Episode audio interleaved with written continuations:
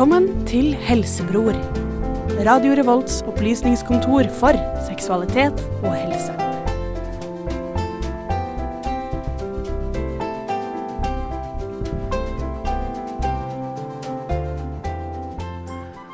Velkommen til Helsebror. Mitt navn er Torstein Bakke. Med meg i studio så har jeg Gjermund Prettgårdshus, Preben Sivertsen og eh, Mina Fredriksen. Eh, dette er Radio Volts helse- og seksualitetsmagasin, og i dag skal vi ta opp et eh, ganske spesielt tema. Vi skal snakke om eh, selvmord, og annet få besøk av Leif Leif Georgby, som bl.a. har forsøkt å ta selvmord. Vi skal snakke med han om det. Vi skal også ha quiz. Vi skal ha ukens sykdom. Og ellers snakke om helse og seksualitet, som vanlig. Eh, Du hører på Helsebror på Radio Revolt. Aller først skal vi høre en låt. Det er bandet Inculcado og låta 'Dance My Way'. Du hører på Helsebror på Radio Revolt. Inculcado med 'Dance My Way' her i Helsebror på Radio Revolt. Velkommen tilbake, alle sammen, og velkommen til dere, mine medsammensvorne i det her. Eh, Gjermund, Hei. velkommen. Takk, takk, takk. Preben, velkommen. Takk takk, takk. Og Mina, velkommen. Takk. Mina, du eh, retta på meg under låta. Jeg sa ta selvmord. Det heter ikke det. Det heter Begå selvmord. Det er en viktig distinksjon. Hvorfor det? Hvorfor det er viktig? Det er så feil å spørre meg. Nå, blir jeg, nå vet jeg ikke hva du er ute etter her. Jeg bare lurte. Vi får nok helt sikkert svar på det i løpet av eh, dagens sending. Helt vil jeg sikkert. tro. Helt sikkert. jeg Eh, tro. før vi skal få inn eh, dagens gjest, eh, Leif, så vil jeg høre litt åssen det går med dere. Mm. Kanskje begynne med Mina. da. Ja, jeg har det fint. Jeg er litt sliten. Det er søndag. Du kom da- litt seint i dag. Ja, men det var ikke min feil. Jo, det er kanskje litt min feil. Eh, jeg har det fint. Jeg har praksis. Jeg har min nest siste praksis, så nå er jeg nesten sykepleier. Anser jeg meg selv som. Gratulerer med det. Takk, det er en stund igjen, da. Mye å lære. Men uh, det er veldig spennende. i hvert fall. Men du kan pleie litt. Jeg kan pleie litt. Jeg kan litt uh, antibiotikablanding, og Man er vel aldri ferdig utdanna som sykepleier, man er. det er man absolutt ikke. Herlig. er det litt sånn som eh, at man er aldri ferdig utdanna sjåfør når du tar lappen? Det er sånn eh, Nei, nei, det er ikke, du er ikke ferdig utdanna sjåfør bare fordi du har lappen. Det er, nå, det er bare at du har fått lov til å lære på egen hånd. Ja, men sånn er det faktisk. Altså. Det er veldig riktig. Ålreit, Preben, hva med deg sjøl? Jeg hadde fint. Jeg var eh, hjemme i går kveld. Jeg sov godt og koste meg. På meg film. Så Ja. jeg føler meg i god form. Hva så du? Jeg så på eh, altså, godt spørsmål. Jeg så på HBO. Jeg så på serien Oz. As.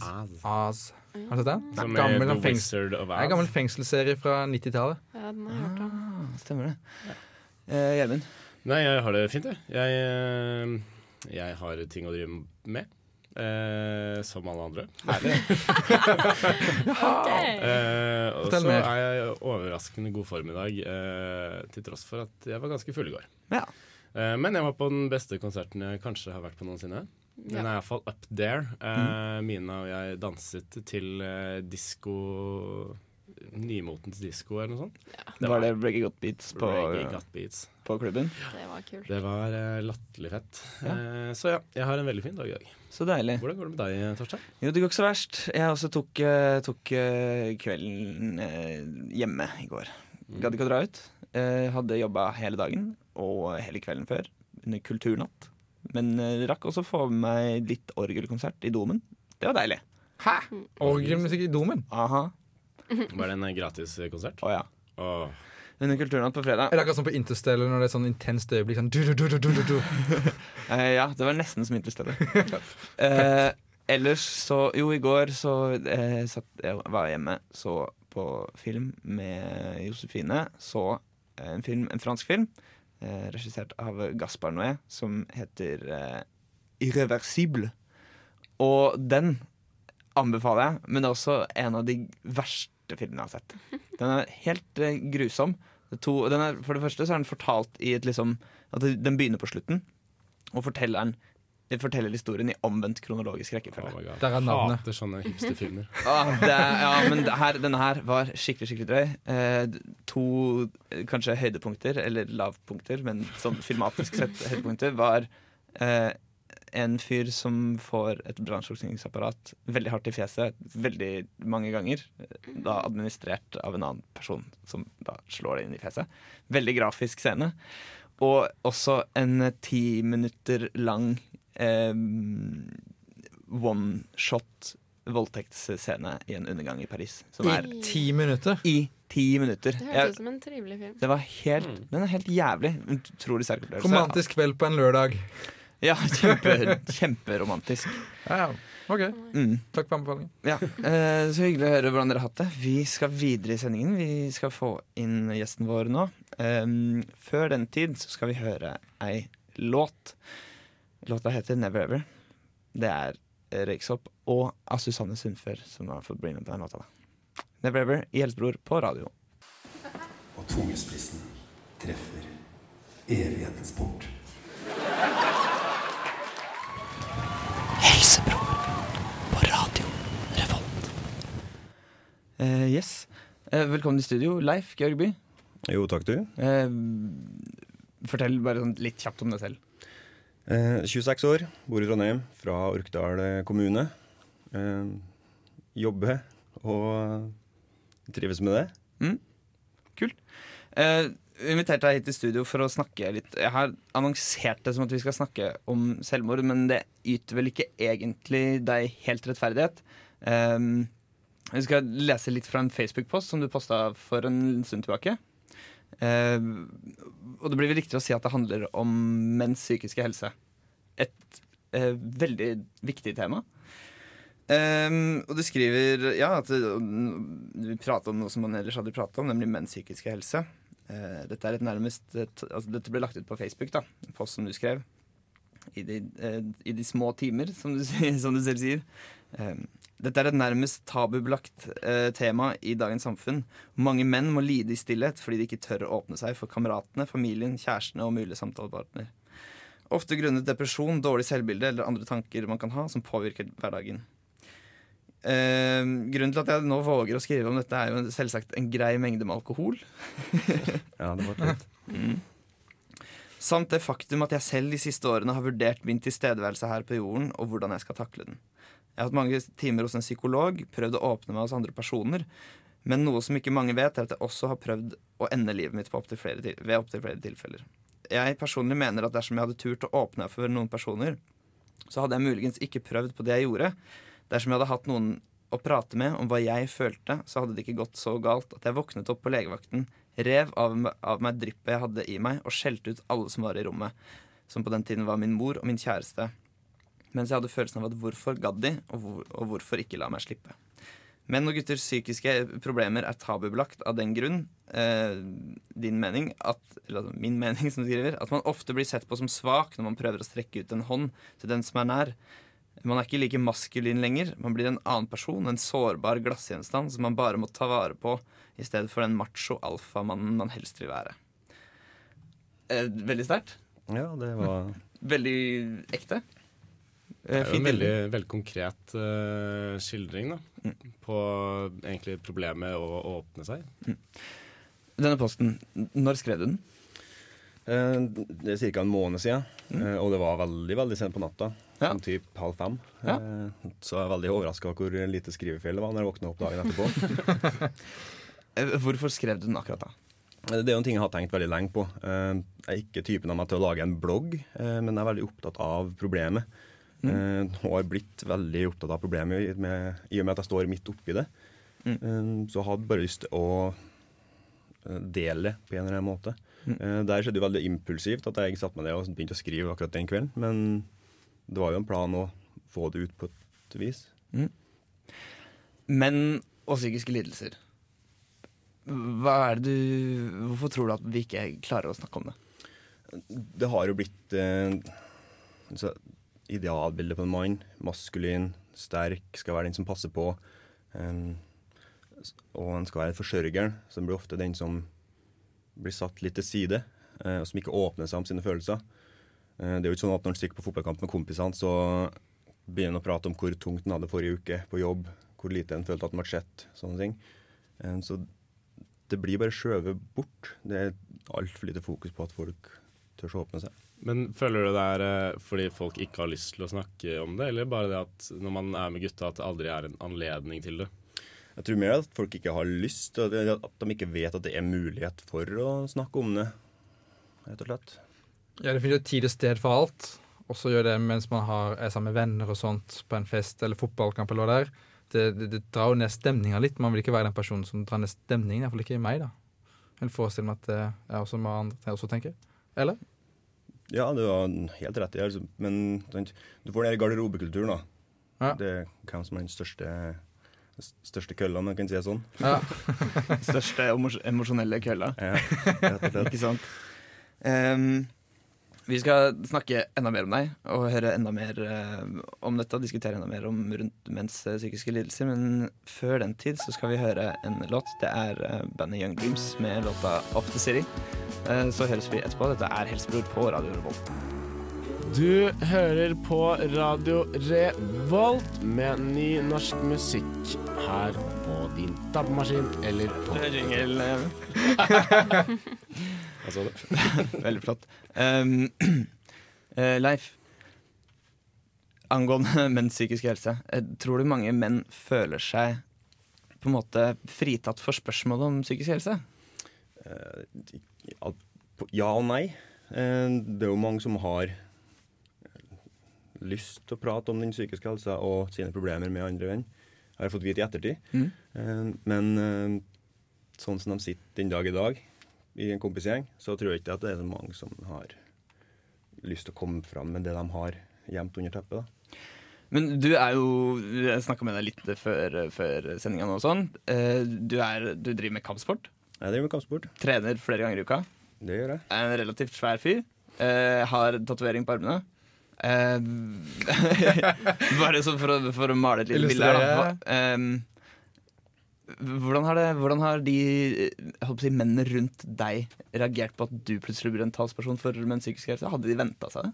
Eh, Det var svært få som hadde venta seg det, at det kom en sånn uh, utbasunering som det der. Uh, men de har tatt det veldig bra. uh, og jeg har fått veldig mye støtte i ettertid. da. Og jeg skrev at, eller sier til dem at jeg har ikke lyst til å bli tatt på som en sånn glassvase som er veldig dyrebar. Jeg vil bare være meg, for det skal ikke være behov for å ja, spesialbehandle meg. Tror du det er kanskje derfor også mange menn ikke våger å åpne seg? For de er redd for å bli den glassvasen som du beskrev det som? Ja, jeg tror at en er redd for en mister image hvis den fremstår som svak i guttegjengen. Ja, ja. Eh, Jeg må jo si da at det er jo egentlig veldig bra at det kommer fra en som er på en måte den typiske alfahann-looken, på en måte. At det faktisk bare sånn Det er jo noe alle kan ha. Så jeg mener jo det er jo en bra at det er sånne som kommer fram også, istedenfor liksom den mest stakkarslige noensinne, som man kunne ha venta det, på en måte. Jeg syns det er litt interessant akkurat det der. For eh, jeg har hørt om andre hendelser hvor du, det er den personen du tror er den sterkeste, den som har best karakterer, den som har mest venner og har god i sport, god i alt sammen. Den er den som har sterkest psykisk lidelse blant eh, gjengen, tydeligvis. Jeg leste en artikkel om det her, da, at det var tydeligvis en, Det er vel en klassiker. en klassiker. ja. Ja, jeg tror det er sånn at de som eh, egentlig har lykkes mest, er også de som er, de som er i faresonen for for å få mest psykiske lidelser. Da. Typ folk som har tjent veldig mye penger og egentlig skal ha det veldig bra, men Men sånn var er det, det jo ikke. jeg har et spørsmål, Leif. Var det ingen som hadde noen anelse på det her? Eller var det noen som kom fram at de hadde skjønt, hadde skjønt noe litt på forhånd at det var noe som var litt galt? Eller var det bare helt sånn Kun dem som har fortalt det. Okay. De kan jo være telles på ei hånd, Ja. sånn sett. Eh, så det, er jo en, det har vært en prosess, det å åpne seg for andre folk. Ja, ja. Eh, sånn, og det gjør en kun til dem en virkelig stoler på. Men nå hoppa jeg jo bare mer ut i det, og bare la alt på bordet. Ja, når du våkna dagen etterpå, da, og du leste meldinga hva du skrev, tenkte du oi, nå Eller også, hva, var tanken, hva var det første som sto der, da, når du leste din egen melding? Det første var jo liksom hvorfor i alle dager har jeg så mye respons på en Facebook-post? Ikke sant? For at jeg var jo sent på natta. Men når du så alle kommentarene, eh, veldig mange gode kommentarer, eh, så var det jo, det var jo veldig godt. Det fikk, var jo en lettelse, på en måte, å få det ut og få en sånn respons. Eh, også at veldig mange andre kompiser som har eh, strekt seg ut og begynt å dele ting med meg da, som jeg ikke visste om dem, f.eks. Jaha, så når folk andre åpner seg Du blir som et, et forbilde for dem, kan jeg si det? Er det riktig å si? Ja. Ikke nødvendigvis et forbilde, men et, et, En sånn, En å prate med, da. Det skaper kanskje litt ringvirkninger. Ja, det var det jeg prøvde å si. Ja. Det er en icebreaker, eller noen har gått framfor, da. Eh, for det kan jo være liksom eh, Av alle de som sliter psykisk Eller det blir vanskelig å si, for alle har jo sitt. Alle har jo mye å tenke på. Um, og sikkert kjipe ting å tenke på også. Um, man kan jo ikke forvente at alle skal gjøre det som du gjør. Uh, eller gjorde, da. Uh, så hva tenker du om alle de som ikke hadde turt å skrive en sånn Facebook-post? Hvordan kan man nå fram til de? Det, det har jeg lagt litt tanker i. For jeg har jo gjerne lyst til å få det sånn at flere kan åpne seg og ha det bedre. Men en sånn, et tips til alle er bare å Hvis du har en person du stoler på, prat med den. Bruk den for den er verdt. Men ikke les over absolutt alt. For Nei. det kan bli tungt den andre personen. Oversharing. Oversharing is Ja. undercaring. Eh, Når du først begynte å åpne deg for de nærmeste dine, var det sånn at du gjorde det på en, i en sammenheng der det var alkohol til stede, som det gjerne blir? Eller var det bare sånn Vet du hva, nå kan vi sette av en ettermiddag, og så prater vi? Eh, Den første personen var uten alkohol. Mm. Den aller første. Eh, og nummer to. Men alkoholen, ja, det er jo selvsagt en hjelper til som en icebreaker. Men det Jo senere det kommer på natta, jo lettere er det å prate om sånne ting. Mm. Men det blir kanskje ikke helt settinga for det, for det er en ganske sånn seriøs ting å prate om. Ja, det er klart det. Men hva er det vi menn har gjort som Eller, eh, jeg, eller ikke gjort, da, i forhold til kvinner, som gjør at man har det inntrykket av at kvinner er bedre til å snakke om psykisk helse enn menn? Jeg tror jeg generelt bare at damer er generelt flinkere til å prate om følelsene sine. Sånn all over. Eh, og så er jo det biologiske. Eh, Mannen skal være en jeger. Han skal være den sterke. Um, han skal være liksom den som er alfa. Så ikke framstille seg svakere enn det man er, vil jeg forestille meg. Vi skal eh, snakke enda litt, gå litt dypere eh, i din situasjon og ting som har skjedd med deg, eh, Leif, eh, om litt. Før det skal vi høre Sushi og Kobe med 'Tenker feil'. Det er Helsebror på Radio Revolt. Vi er straks tilbake. Mammaen og pappaen deres traff hverandre for første gang.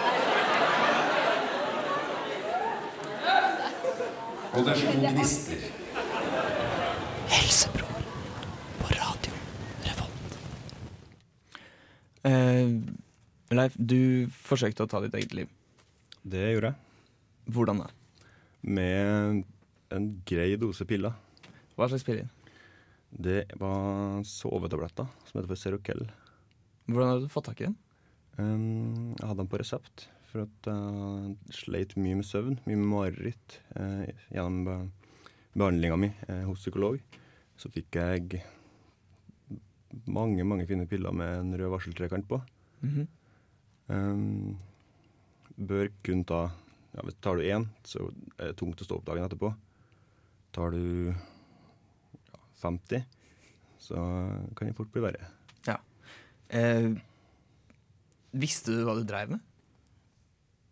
Der og da så trodde jeg at jeg gjorde det. Ja. det. Da var jeg ganske klar på det. Gjorde du research? Um, ja, jeg hadde jo liksom sett mulige bivirkninger, mulige konsekvenser ved overdose, eh, som var ganske sånn heavy shit å sitte og google. Mm. Men ja, jeg prøvde jo å få mest mulig kunnskap om ja, Kommer det her til å gjøre vondt, da? Ja. For det vil du ikke. Nei, det skal gå Hvis det skulle skje, så skal det gå fort, og gjerne smertefritt.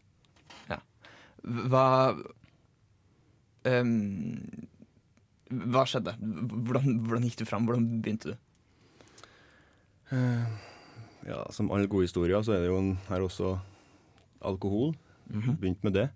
Um, og um, så var det egentlig bare å ta Knekke ut alt fra eh, pak pakninga si, telle over hvor mange han hadde, eh, kaste pakningen, Så du rydda opp etter det?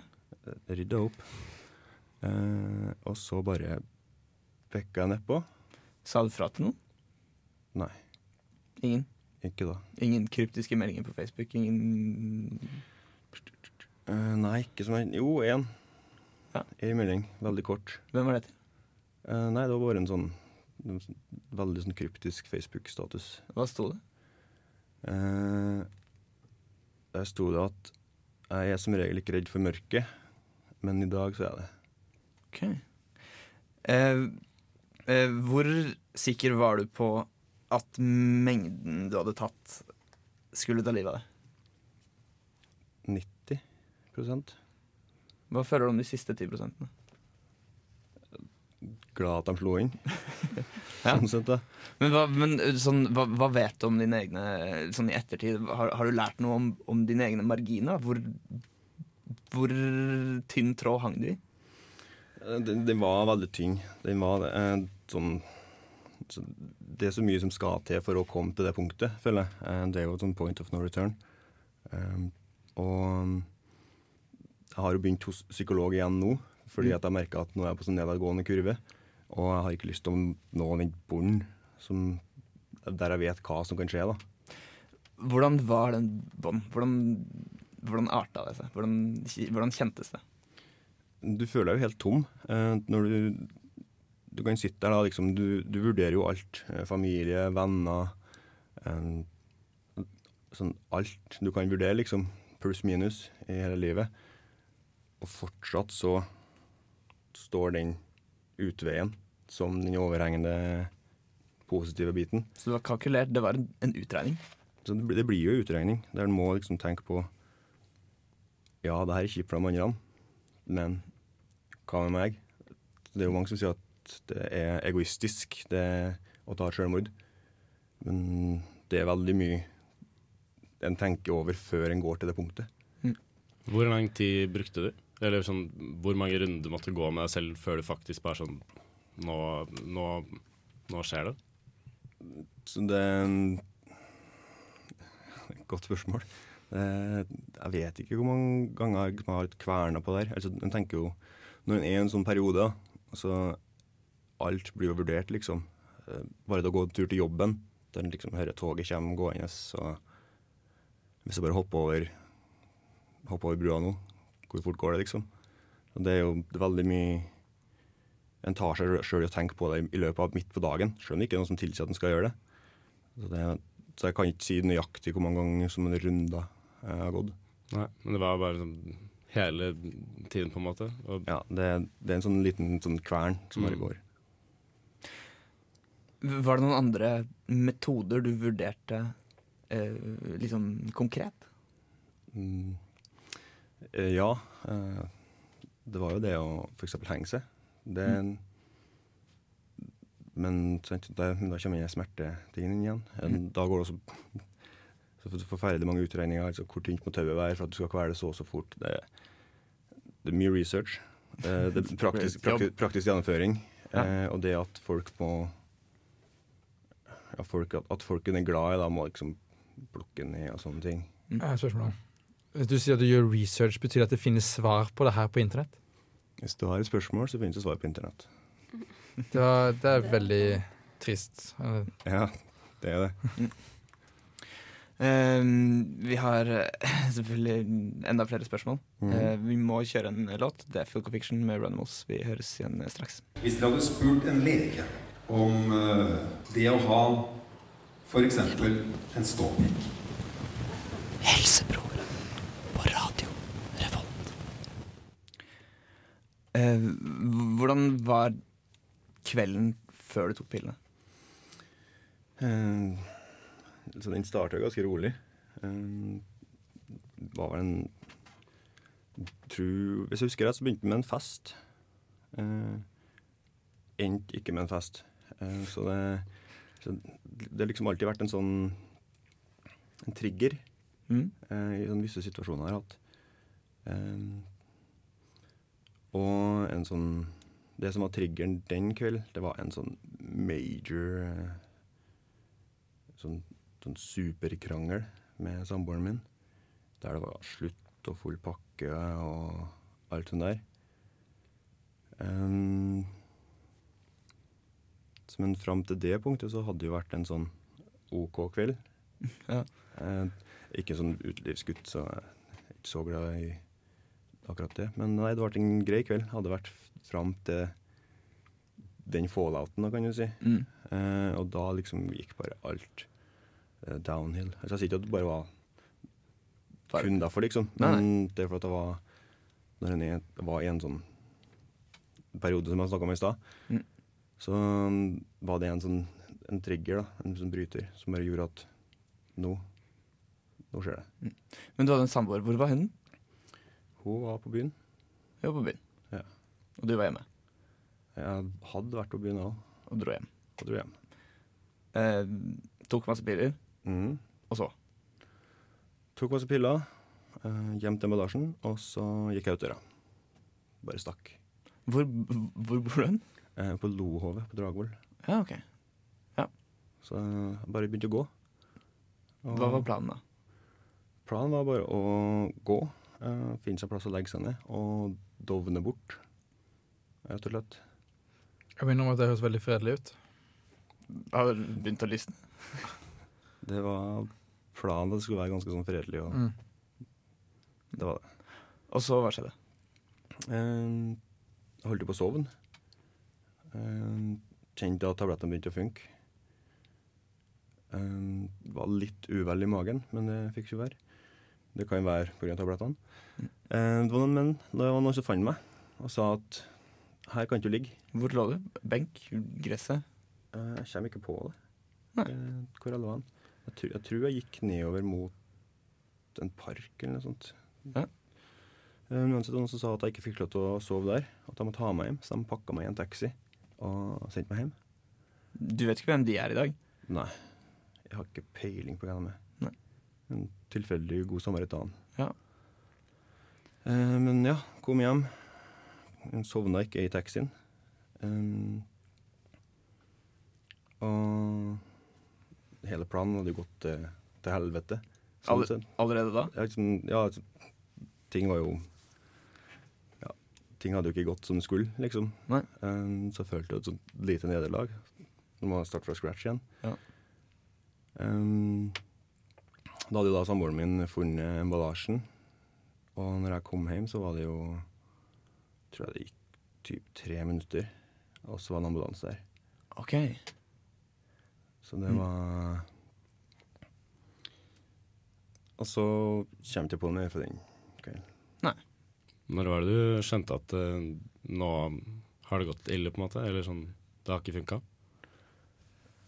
Det var jo når jeg så de blålysene at Eller at når jeg var, med en gang jeg kom hjem, da, så skjønte jeg at det her går ikke i dag, liksom. Det, Men den, den blålysene kommer liksom oppover bakken der, så var det jo Ja, fuck. Ikke sant? Eh, ratioen skuffelse til lettelse. Eh, der og da, eller ettertid? du sier akkurat der og der, da? Eh, akkurat der og da Ratioen Ja, la oss si at skuffelsen var høyere enn lettelsen. Men du var li- litt letta? Litt letta. Ledende spørsmål kanskje, men litt. Litt letta var jeg. Det var jeg jo. Så klart. Eh, og så våkner du opp på sykehuset? Mm. Det gjorde jeg.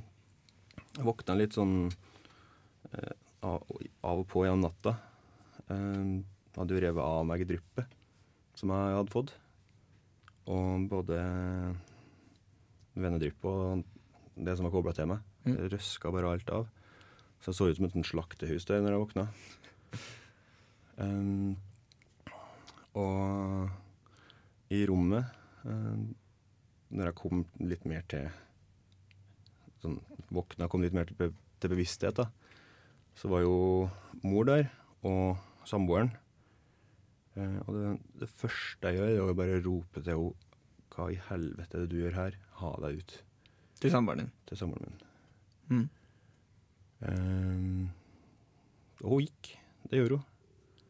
Um, og jeg ba også mamma, litt penere vel å merke, om å gå ut. Uh, så jeg fikk være, være i fred, og så sovna jeg igjen. Um, jeg hadde jo hevelser i ansiktet og vansker for å svelge, og drøvelen var sikkert ti ganger cirka størrelse, så det vanskelig vanskelig med å puste. Så det hadde jo hadde jo nesten gått, sånn sett. Men jeg sleit jo Jeg hadde blitt pumpa, Mm. sånn sett, for alt som var i meg. OK. Um, den gåturen, mm. hadde den noe å si? Bare det, det at du ikke ble hjemme? Den var bare, bare med for å komme seg bort. At man forlater det, det som er hjemme, liksom. Det, jeg vet ikke om det skal være noe symbolsk, men jeg kan ikke alltid forklare det jeg gjør. Men det, Ja. det var bare for å komme seg bort. Ikke sant? Men tror du det var rene tilfeldigheter uh, at det ikke funket? Eller var det bare sånn at det var noen mening bak det? Det er kanskje et litt søkt, uh, Ja. søkt ting å tenke på. Men. mener at noen tar, prøver å ta selvmord, eller ta sitt, begå sitt eget Begå selvmord ved å få oppmerksomhet? Er det det du tenker på? Nei, nei, jeg tenker sånn uh, at uh, det var en mening bak det. At det ikke funket. Ja, sånn, ja. Uh, jævla random å bli funnet i en park da, av Ja. noen en ikke kjenner, som pakker i en taxi. Det er ikke ofte det skjer at noen pakker noen i en taxi Ja, så sent på en kveld. Men altså, det har jo ikke ligget grunna verken jeg vel på på akkurat den biten, men så klart jeg er glad for at det ikke gikk 100% Det er jo. Mm. Men eh, nei, jeg tror ikke det var noen sånn høyere bit på, hvert fall. Ingen høyere makter. Nei. Uh, vi må kjøre en uh, låt. Det her er Reggae Got Beats, det. Det er just pretend. Uh, så høres vi igjen etter det i Helsebror på radio. Du hører på Helsebror med Torstein, Gjermund, Mina, Kristina og Preben. Swag. Du hører på Radio Revolt med ny norsk musikk. Eh, Leif, du har bipolar lidelse, type 2. Ja, det har jeg. Visste du det da? Nei. Eh, når lærte du det? Det fikk jeg vite for tre uker siden. Tre uker siden. At det var fastsatt en diagnose på meg. Ok. Var det en lang utredning, siden det tok såpass lang tid? på en måte? Eh, ja, jeg gikk jo til psykolog i eh, over et år, halvannet år.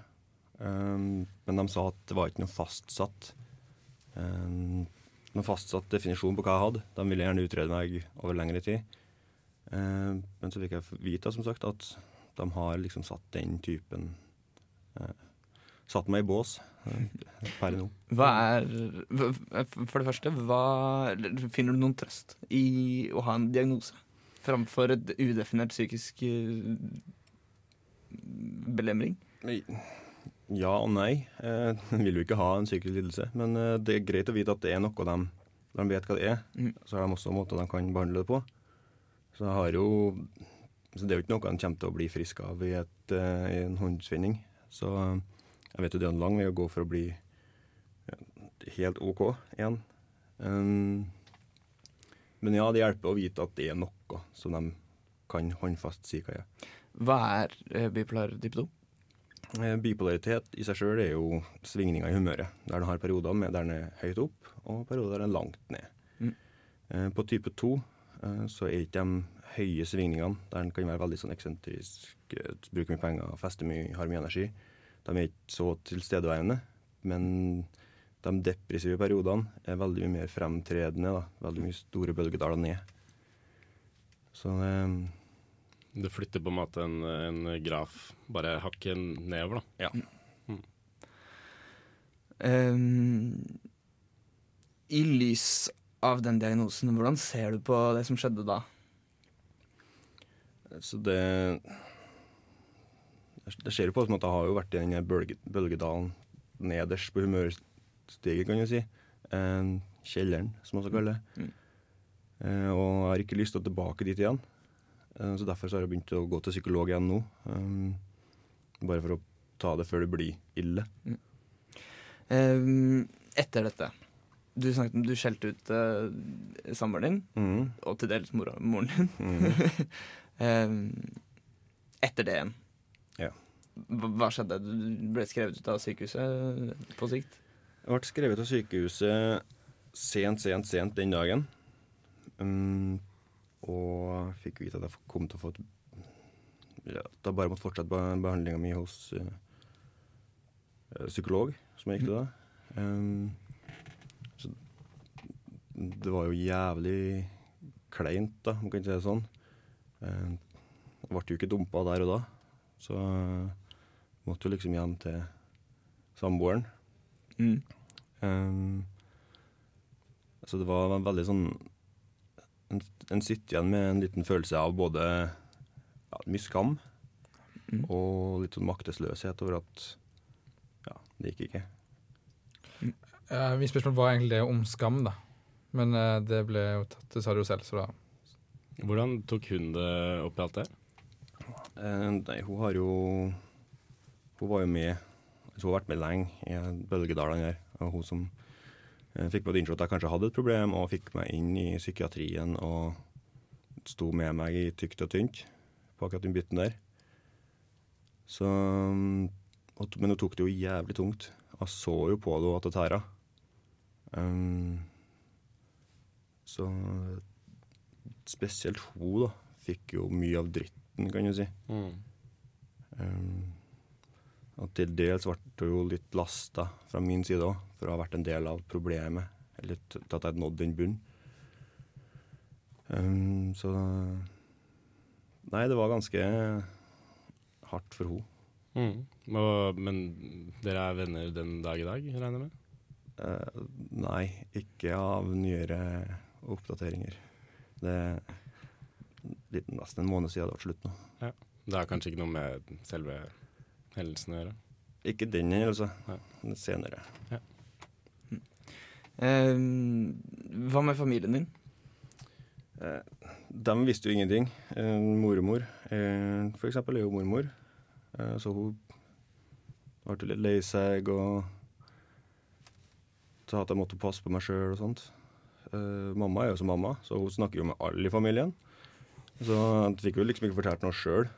Jeg fikk jo bare servert liksom det de visste tilbake. Ja. Så det var sånn derre Greit, nå Så jeg, jeg trakk meg veldig unna. da. Jeg låste meg litt inn i mitt eget skall igjen. For at tydeligvis så visste de alt som de trodde de trengte å vite. Um, du var innlagt?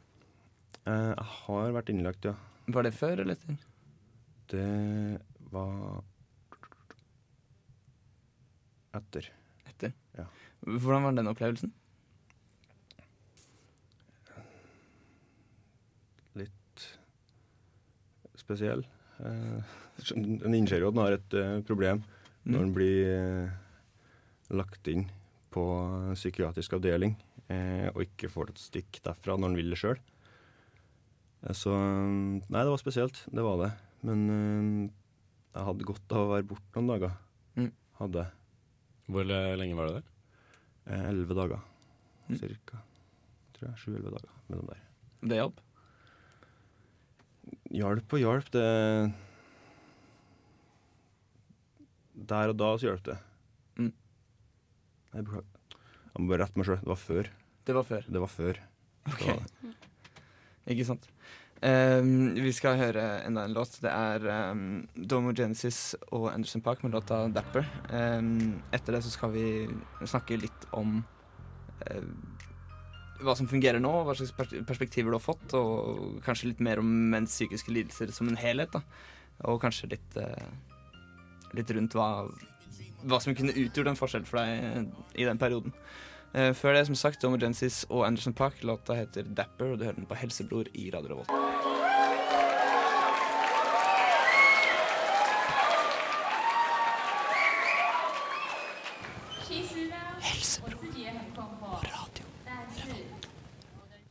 Eh, hva var det du manglet i den perioden som kunne ha utgjort en forskjell, tror du?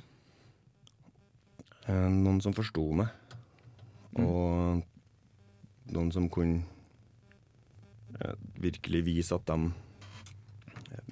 brydde seg veldig mye. da. En, en, en god støtte. Altså, jeg hadde jo støtte. Mm. Jeg hadde jo det. Um, men jeg følte fortsatt ikke at jeg ble hørt og forstått på den måten jeg sjøl følte jeg trengte. Mm. Er du blitt flinkere nå til å be om den forståelsen? Ja, mye flinkere. Mm. Eh, siste halvåret, året, så er jeg blitt mye flinkere til å bare si hva jeg vil ha. Og også blitt mye flinkere til å dele på følelsene mine. Mm. Eh, og det, det hjelper meg veldig. Åssen har responsen vært? Så noen eh, tar det jo litt sånn tungt. En, Litt uh, vanskelig for å være imøtekommende på det. Um, og så jeg vet jo at folk har sitt eget å slite med òg. Og det er jo ikke noe pissekonkurranse om hvem som har det verst. Nei. Så, men uh, det ja, men det har vært mye bra respons, altså. Det har det.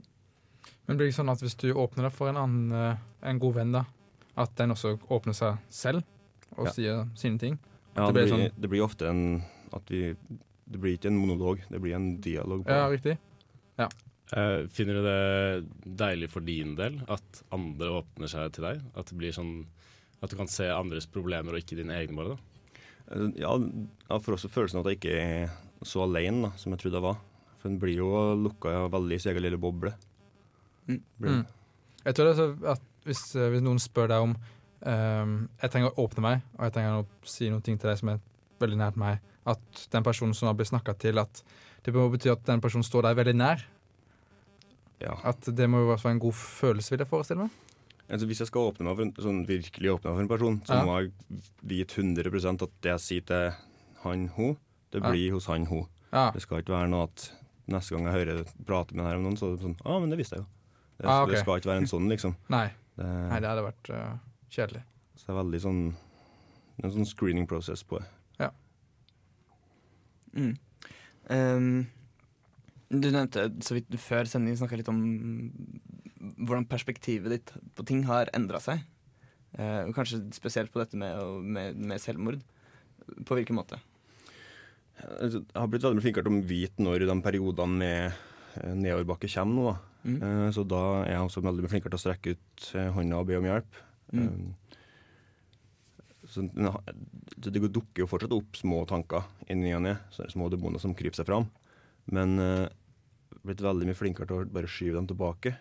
Er, er du blitt flinkere til å, til å kjenne igjen de tankene? Eller tankemønstrene? Ja, veldig. Uh, og det er sånn litt skremmende at en skal kunne kjenne igjen et sånt tankemønster, Mm. men uh, det hjelper å vite at vite hvordan det ser ut, og hva en har å forvente av hvordan humøret kommer til å være de neste dagene. Mm. Hva gjør du da, hvis du kjenner gjenkjenner disse følelsene? Da er det å booke seg opp med kompiser og alt annet, rett og slett. Gjerne noen som vet om situasjonen fra før, og Ja. som, sånn, som bare får Mm. gjort noe annet. Prata om ting. Jeg trenger å dra på bowling og drikke øl i helga, liksom. så ja. Vi hadde jo eh, I våres hadde vi besøk av en, eh, et doktorgradsstipendiat i psykologi. Snakket mye om metakognisjon. Som er det å være bevisst på sine egne tanker. Um, Tanker om tanker. ja, altså, ja, tanker om tanker. Eh, vil du si at, at du kjenner deg igjen i det? Liksom, Ja Nei, mm, har ikke noe doktorgradstilling på det. Ja, jeg kjenner meg litt igjen i det. Det. Er det sånn at du i større grad står utenfor deg selv og ser inn på dine egne tanker når det her skjer? Da? At du kan stå og si nå, nå føles det ille, eller nå begynner det å bli tungt, og så Det, det, blir jo sånn at den, hvis en eksempel Ja, som jeg sa, når en går til jobb da, og ser toget komme, så er det ofte at en bare sånn Ja, skal jeg, skal jeg tenke den samme tanken? Mm. Hvorfor i all verden skal den der? Liksom, en, en tar seg sjøl i å prøve å snu det til en annen igjen. mm. Eller få på noe positivt. Eh, jeg har- blitt veldig mye flinkere til å se positive ting. Ja. I, I stedet for å bare tenke bare negativitet og piss. Det høres fornuftig ut. Uh, vi skal høre Lemaitre med 'Stepping Stone'. Uh, ja. Den kommer her. Etter det så skal vi uh, runde av med litt prat om menns psykiske lidelser. Prøve å komme litt full circle på det. Uh, I Helsebror på Radio Revolt. Radio Revolt! Faen! Du hører på Helsebror på Radio Revolt. Vi er kommet uh, til slutten av intervjuet med deg, Leif. Mm. Vi har vært ganske dypt inne i din historie. Mm. Takk for at du delte. Veldig, veldig, veldig flott. Eh, så litt sånn til slutt tenkte jeg vi kunne snakke litt mer om dette med menn og psykiske lidelser. Hva- hva er ditt beste råd? Eh, Beste rådet, det er ha minst én person som du stoler 100% på, som du kan prate med litt om sånne seriøse ting. Bare, så det er så jævlig vanskelig å først åpne den døra. Bare, men hvis du bare får den litt på gløtt, får ut litt følelser, sier hva du sliter med, så hjelper det så sykt. Mm. Ikke alle trenger å skrive det på Facebook. Det Ikke og... alle trenger å skrive på Facebook. Det, det blir spam, vet du. Ja. Um, men dette med menns psykiske helse kommer jo opp fra tid til annen. Mm. Gjennom, gjennom sånne ting, og, og, og leserinnlegg og kronikker og liksom sånne ting. H- hvorfor tror du det er sånn at det, det kommer opp, og så glemmes det helt til en ny sier? Hvorfor, hvorfor, hvorfor klarer vi ikke å holde på det, vi menn? Det er et jævlig godt spørsmål. Uh, det er Det fins sånn, mye forskning og diverse om psykisk helse, men ingenting som spesifiserer seg mot menns psykisk helse. Uh, så det, det er jo så Jeg tror det er pga. den maskuliniteten som skal være i samfunnet. Det er et sånt gjennomgående problem. Altså Du skal være stor og tøff, og da er det vanskelig å mm, gi ting som gjør deg litt mindre maskulin. da. Jeg kan tenke meg at det blir litt en ond sirkel også for menn. Fordi som jente, da, så kan jo Jeg føler at terskelen er mye lavere for meg. At jeg kan Hvis det går gærent, så kan jeg snakke med noen om det. Hvis du da som mann føler at jeg kan ikke snakke om det, så blir jo den tyngden mye større. Fordi du i tillegg til å ha det vondt, plages av at du ikke får prate om det. Så går det liksom i en sirkel, da. Kan det være lettere å åpne seg til en jente eh, enn gutta boys? Ja, most def. Det er så sykt mye lettere. Hva med Eh, foreldrene? Nei. Ikk- altså, for min del så har ikke det funka i det hele tatt. Noe Nå er det litt lettere. Jeg kan ikke si at jeg har det bra, jeg kan si at jeg har det dårlig, men det stopper egentlig der. Men jenter har mer empati rett og slett enn det gutta har. Eh, Men jeg har eh, noen kompiser som jeg kan prate med ting om. Men det var jo jenter jeg åpna meg til først. Ja. Eh, Er det sånn at altså, bør det være differensiert? Bør man, ha en, bør man ha et apparat for menns psykiske helse og et apparat for kvinners psykiske helse? Hold, altså, holder det ikke med et apparat for, for psykisk helse? Punktum. Det holder jo med et apparat for uh, psykisk helse, men det er bare så veldig lett Men hvis du ser jeg, sitter jo på venterommet på Østmarka, og du ser jo at det kommer jo en kar her og der, men det er jo mest damer som er innom. Altså ikke at det skal det være noe sånn fasit, altså, men Nei. eh, jeg tror det er mange som detter utom, som skulle ha hatt hjelp. Er det, har menn dårligere vokabular når det kommer til psykisk helse? Er vi vanskeligere for å formulere oss? Jeg tror heller at vi er vanskelig for å stole på våre egne følelser. Mm. Og at vi bare skal holde dem inni oss. Det er en sånn Menn gråter ikke. Er det sånn Dere slår i veggen. Ja, slår ut i veggen, ja. Det er så bullshit. For at Mm. det kan være sykt godt å bare få alt ut en gang iblant. Ja. Det A good cry. a good cry. Vi snakka litt om det sist sending, faktisk. Mm. Jeg klarte ikke å gråte, i hvert fall. Nei. Selv om jeg egentlig burde det. Nei, det var ingen av oss som egentlig Det var Preben som var, klarte å, være overbevist i sin egen gråt. Sterke menn gråter. Ja. Det var jo eh, I alle de her liksom, i de greske fortellingene og liksom Iliaden og Odysseen og sånne ting, alle menna grein jo som, som bare det. Når de kom, når de kom fram, eller vant en kamp, eller tapte en kamp, eller noe sånt, da var det grining. Det, var liksom, det viste følelser. Det var jo en, en stor eh, liksom, Det var jo en stor macho-greie, det å drive og grine litt før. mm. Menn i antikken lå som andre menn for å videreføre styrke og visdom og sånn. Så mange ting har forandret seg siden da. Hva skjedde? Hva har skjedd? Yes. Eh, tusen hjertelig takk for at du kom, Leif. Jo, takk for at du fikk komme. Eh, herlig, modig og åpent og tøft av deg å dele, eh, dele din historie og dine meninger med oss i Helsebror. Eh, lykke til videre med alt. Jo, takk for det. Yes. Eh, vi skal høre Carpe Diem med Gunerius i Helsebror på Radio Volt. skal ha quiz. Spørsmål og svar.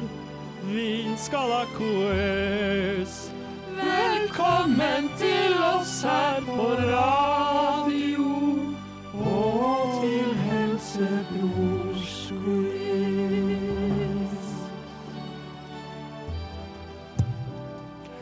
Eh, det er quiz-jingeren. Gjermund, det er du som Det er er quizmaster i dag. Ja, jeg tok på meg, tok på meg ansvaret. Uh, fordi jeg liker å lage quiz. Ja.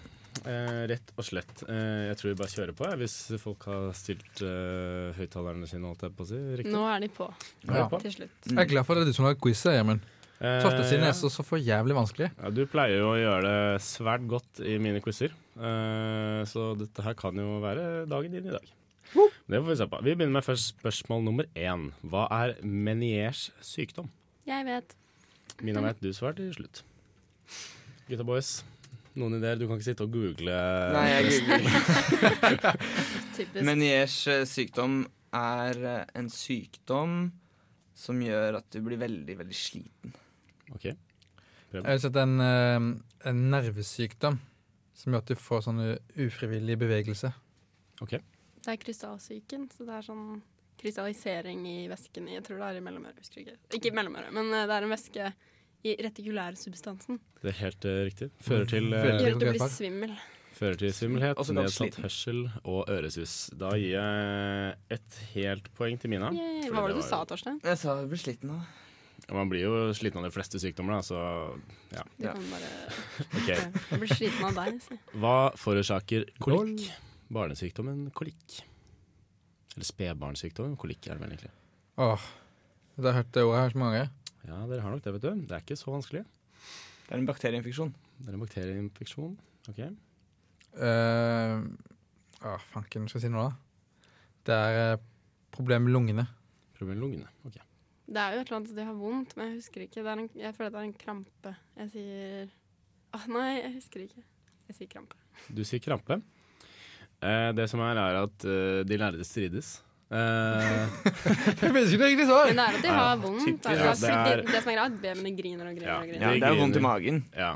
Det er vondt i De, magen. eh, Jeg, sier at, jeg tenkte det altså, sa seg selv, kolikk, vondt i magen som følge av en bakterieinfeksjon. Ja, Det er nok egentlig ikke pga. en bakterieinfeksjon heller. Det er det at de, de strammer seg, og så løfter de knærne og sånn. Så de, det, Så det er en fors- krampe, da. det forskerne peker på, er på en måte at de eh, De moser magen, på en måte, når de ligger og Magemos. Når de ligger og spenner seg. Men drit i det, da. Jeg syns jeg var så inne på det. Ja, jeg gir, eh, jeg gir Torstein et poeng, jeg. Hæ? Det av, av oss Det her, så er det jeg som skal ha det poenget. ass. Hvorfor er du sånn Nei, du sa Fordi jeg jo sa at de har vondt og at de har kramper. Han sa at de har en bakterieinfeksjon, okay, hvilket det får- ikke er. Altså, Du får et halvt, halvt poeng. ass. lung... Ja, dette her er veldig lungesmerter kan jeg dessverre ikke gå god for. Altså. Åh, det blikket Hva er Brugadas syndrom? Det jeg tror jeg egentlig er en dans. Er det et endelig svar? Brugadas syndrom. Ja, nei, det er en Nei. Altså, sykt irriterende. Jeg kan si at Det betyr ikke at du kan ikke le. Du kan ikke le. Ok, Det er også et svar. Da sier jeg at det er eh, At du ikke kan gråte. Ikke kan gråte. Og Mina, du sier det slutt. Uh, jeg jeg har ikke lyst til å si noe, for jeg vet ikke. Pass. Du sier pass, ja. Det blir minus uh, et halvt poeng. Det, det skulle jeg fått vite før, men Da kan jeg si noe, da. Da sier jeg uh, at det er eh, mm, problemer med dårlig syn. Dårlig syn. problemer med dårlig syn. Ok, det er det dessverre ikke. Dette her har jeg snakket om før, fordi det er, Det er det noe jeg har. har. Det ja, det er det hjertegreiene. Ja da, det er hjertegreiene, vet du. Det er en hjertesykdom, og det er en forstyrrelse i hjerterytmen. En liten sånn Ja, på disse her greiene. Jeg har ikke helt forstått hva det er selv, men det er en forstyrrelse i hjerterytmen. Jeg husket, jeg tenkte på det, jeg følte at vi hadde Mm. snakket om det her før. Har det, vet Det du. Jeg har, eh, jeg har eh, lagt mitt hjerte ut på radioen. Svin. Eh, vi tar et siste spørsmål før vi tar ei låt. Hva er japansk encefalitt? Japansk encefalitt. Det er en type mm, Det er en type hjernebetennelse. Okay. Fra Japan. Det er en eh, japansk influensa. Ok. Hva skjønner influensa. Altså Encefalitt er betennelse i hjernen, sånn som Torstein sier. Jeg vet ikke hva Dette japansk feil, eh, betyr. Ja. Jeg vet hva var- japansk, jeg vet hva japansk betyr, men ikke i denne sammenhengen. Neida, det er eh, Grunnen til at det heter japansk, er jo fordi dette her er en tropesykdom. Mhm. eh, som man gjerne får når man er på ferie. Det er en virusinfeksjon som kan ramme hjerne og hjernehinner. Mm. Så jeg velger å gi eh, Mina og Torstein ett poeng hver. Eh, Preben, du får et halvt poeng for eh, godt forsøk. Nå skjønner jeg plutselig hvorfor Preben liker når du har. Ja. Snill, snillhetspoeng til Preben. Ja, ja, det er ja. Det er det jeg vil vil du ha. kan få et halvt poeng, da, sånn at vi slipper grininga fra de to andre her. Mm. Så kjører vi Ja, da Kjører vi kommer en låt. Da blir det Hester V75 med låta 'Players'. Mitt navn er Bare Egil. Du hører på radio Revolt på internettmaskinen din. Da er vi tilbake her i Helsebror på Radio Volt til eh, del to av eh, quizen til Gjermund. Yes. Eh, vi begynner rett på. Vi kan forresten si stillingen først. Eh, Torstein har to poeng. Mina leder med to og et halvt poeng. Og Preben med et halvt poeng. Oh, Yay. yeah. Eh, så Preben, nå må du komme deg opp her. Hva er sklerodermi? Sklerodermi. Um, Det er en konstant smerte i rumpeballene. Alle dager. lammelser i huden. OK. Det må jo være en type forkalkning eller altså fortykning, at eh, huden blir stiv og hard, da. Mhm. Mhm. Ja. Jeg går etter kreativpoengene. Eh, ja, de, de kan jeg ikke gi, dessverre. Ja, det er, eh, det er en bindevevssykdom. Mm. Eh, rammer eh, flere organer. Eh, mest hud og blodårer, men kan også ramme indre organer. Og det er det at eh, huden tykner, som du sier, Mina. Veldig bra. Takk, takk. Eh, jeg gir ett poeng til Mina. Eh, og Torstein var jo inne på det. Fordi han sa hud. Ja. Vi gir, vi gir et halvt, halvt poeng til Torstein. Rumpeballer har også hud. Det blir for useriøst, altså. Ja. Uh, spørsmål nummer seks. Hva er flatulens? Flatulens. Mina veit jo dette, vet du. Ser det på smilet. Flatulens. Jeg vet også godt Ja, hva flatulens er.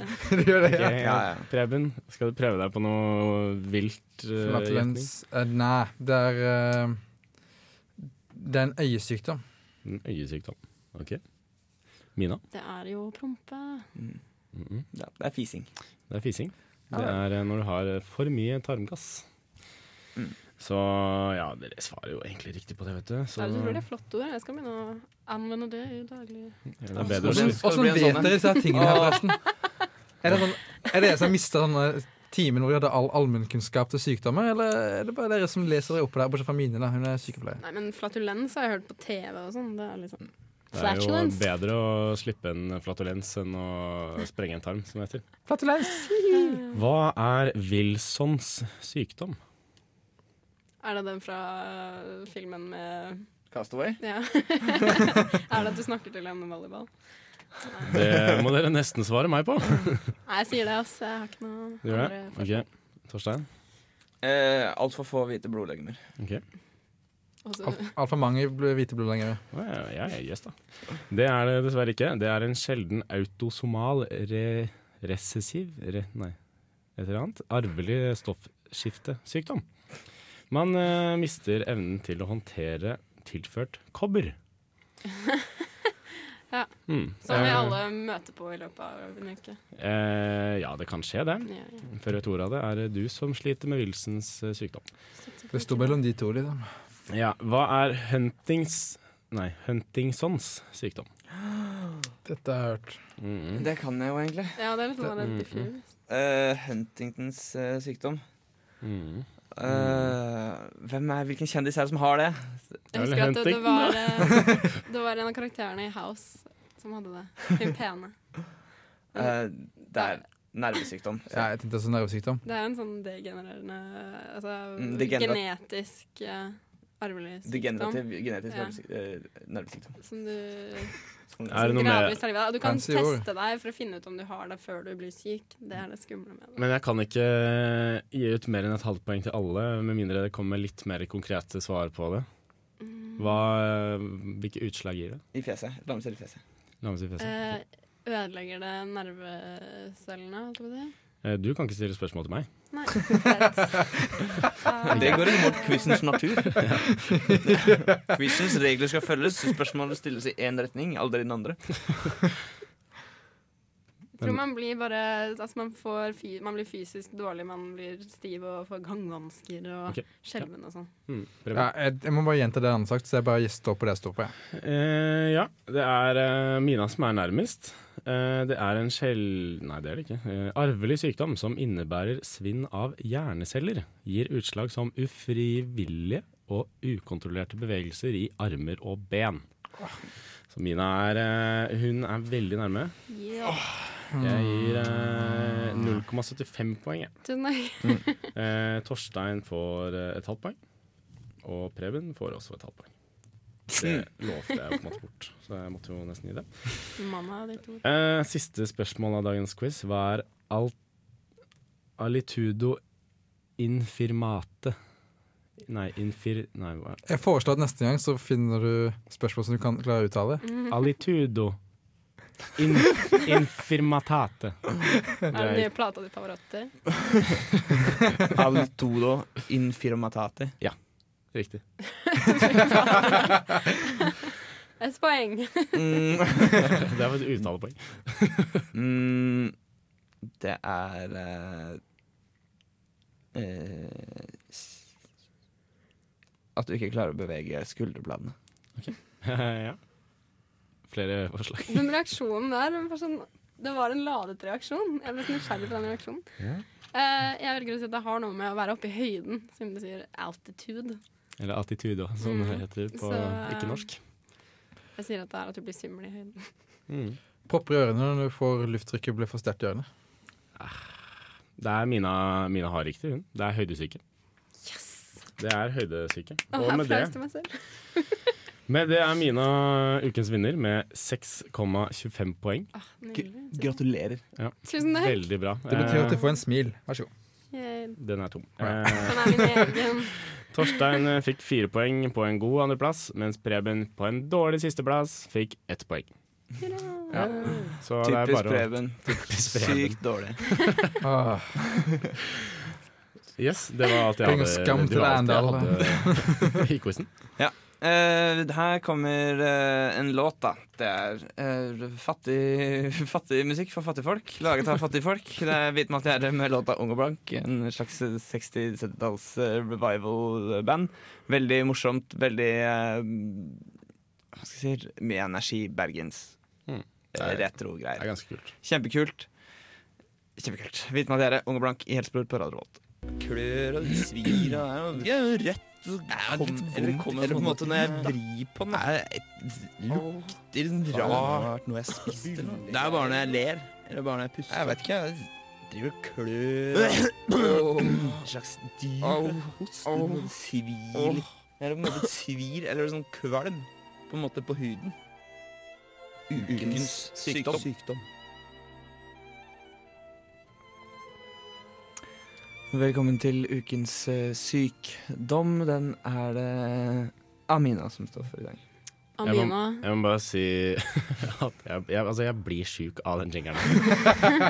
Jeg føler jeg får vondt inni meg. Gjør jeg?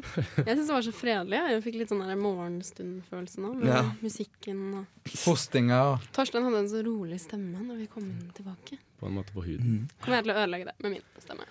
Nei fint. da, ikke ta selvkritikk over stemmen. jeg har en nydelig stemme, uh, og den skal snakke om en sykdom Ja. som heter Kreutzfeldt-Jacobs sykdom. OK. Hva er det? Det er egentlig kugalskap hos mennesket. Ah. Um, og det forårsakes av noe som kalles prioner, som er en type protein som ikke har selvstendig liv, men som kan skape sykdom i en organisme. Da. Eh, og det ble funnet en, ny variant som heter variant Kreutzfeldt et eller annet. Kreutzfeldt-Jakob-sykdom. Eh, og det den gjør, egentlig er at du får tidlig demens da, og hyppige, veldig rask utvikling av personlighetsendring. Og okay. de som får påvist den eh, diagnosen, dør som oftest i løpet av et år. da. Eh, er det hyppig, hyppig diagnose? Det betyr? Skjer det Nei, ofte? den er veldig sjelden. Det Det er er en, jeg bare valgte noe litt artig. Ja, da, for å, Det er ku, men det er kugalskap. det er kugalskap, men det er én én per million innbygger da, i året cirka. Så får du nakue, eller hvordan får man det her? Det er smitte, De regner med at det er smitte fra storfe. ja. Så er det spiser du biff, så kan du få det her. Jeg er ikke sikker på hvordan. Altså, det sto bare at det var fra kuer, men jeg er usikker på selve smitteoverføringen. på en måte. Okay, så du, Men ja, det kan nok trenger, stemme det du sier, ja. Du trenger ikke å ha klint med en ku for å få det? på en måte. Nei, jeg tror Men nok det at det, ja, det øker mulighetene dine. For det sto at uh, årsaken til at det blir stadig mindre tilfeller av det, er at de har veldig strenge prosedyrer på f.eks. slakt. da. Så Mm. da vil jeg jo tro at det i stor grad går på om du ja, spiser det, f.eks. Men er det mange kuer som får kugalskap? Det må du spørre en veterinær om. Det er vel fort sånn at hvis det det blir påvist kugalskap, så da plaffer det ned den kua med en Ja, gang. ikke sant? Mm. Men uh, det jeg syns var litt interessant, er at etter at de fant denne nye typen da, i 1995, så har det til 2012 da, blitt bekreftet 224 tilfeller. Og av de så er det 175 i Storbritannia og 25 i Frankrike. Å ja, så det er Mm. eh, Konsentrert eh, på bestemte områder. Så det er tydelig at de ikke har eh, orden på sakene sine når det kommer til slakting. Nå var det ikke en på House også som hadde kugalskap? Helt sikkert, men er det ikke noen på House som har hatt alt? Nei, nå husker jeg hva det var. Det var Boston Legal. Der var det en som hadde fått uh, kugalskap. Av alle steder. Ja. Er ikke det sånn et advokatserie? Ja, har du sett den? Det er, det bare tok det ut av navnet, egentlig. Ja, Boston Legal. Klasseadvokatserie. Er det Akkurat som 90-tallet? Suits? Nei, det er for tidlig 2000-tall. Ja. Det er eh, med David Spader og han um, Hva er det han heter? Han fra Han som spilte i Star Trek for lenge siden. William Shatner. Spiller Disse navnene sier meg ingenting. Men er det som uh, Suits, lol. eller? Suits liker jeg. det er 2000 ganger bedre enn Suits. I min- 2000 ganger bedre?! det er mye morsommere. da Det er nesten en slags humorserie. Um, men uh, Kugelskap hørtes morsomt ut, så er det det. Ja, men jeg kan, eh, Hvis det er at uh, si at en person har begynt å være helt crazy, da, så viser det seg at han hadde kugalskap. Det er humor i det, vet du. På TV. Ikke vær helt kugæren, da. Ja. Men hvor, hvordan gæren blir man av kugalskap, egentlig?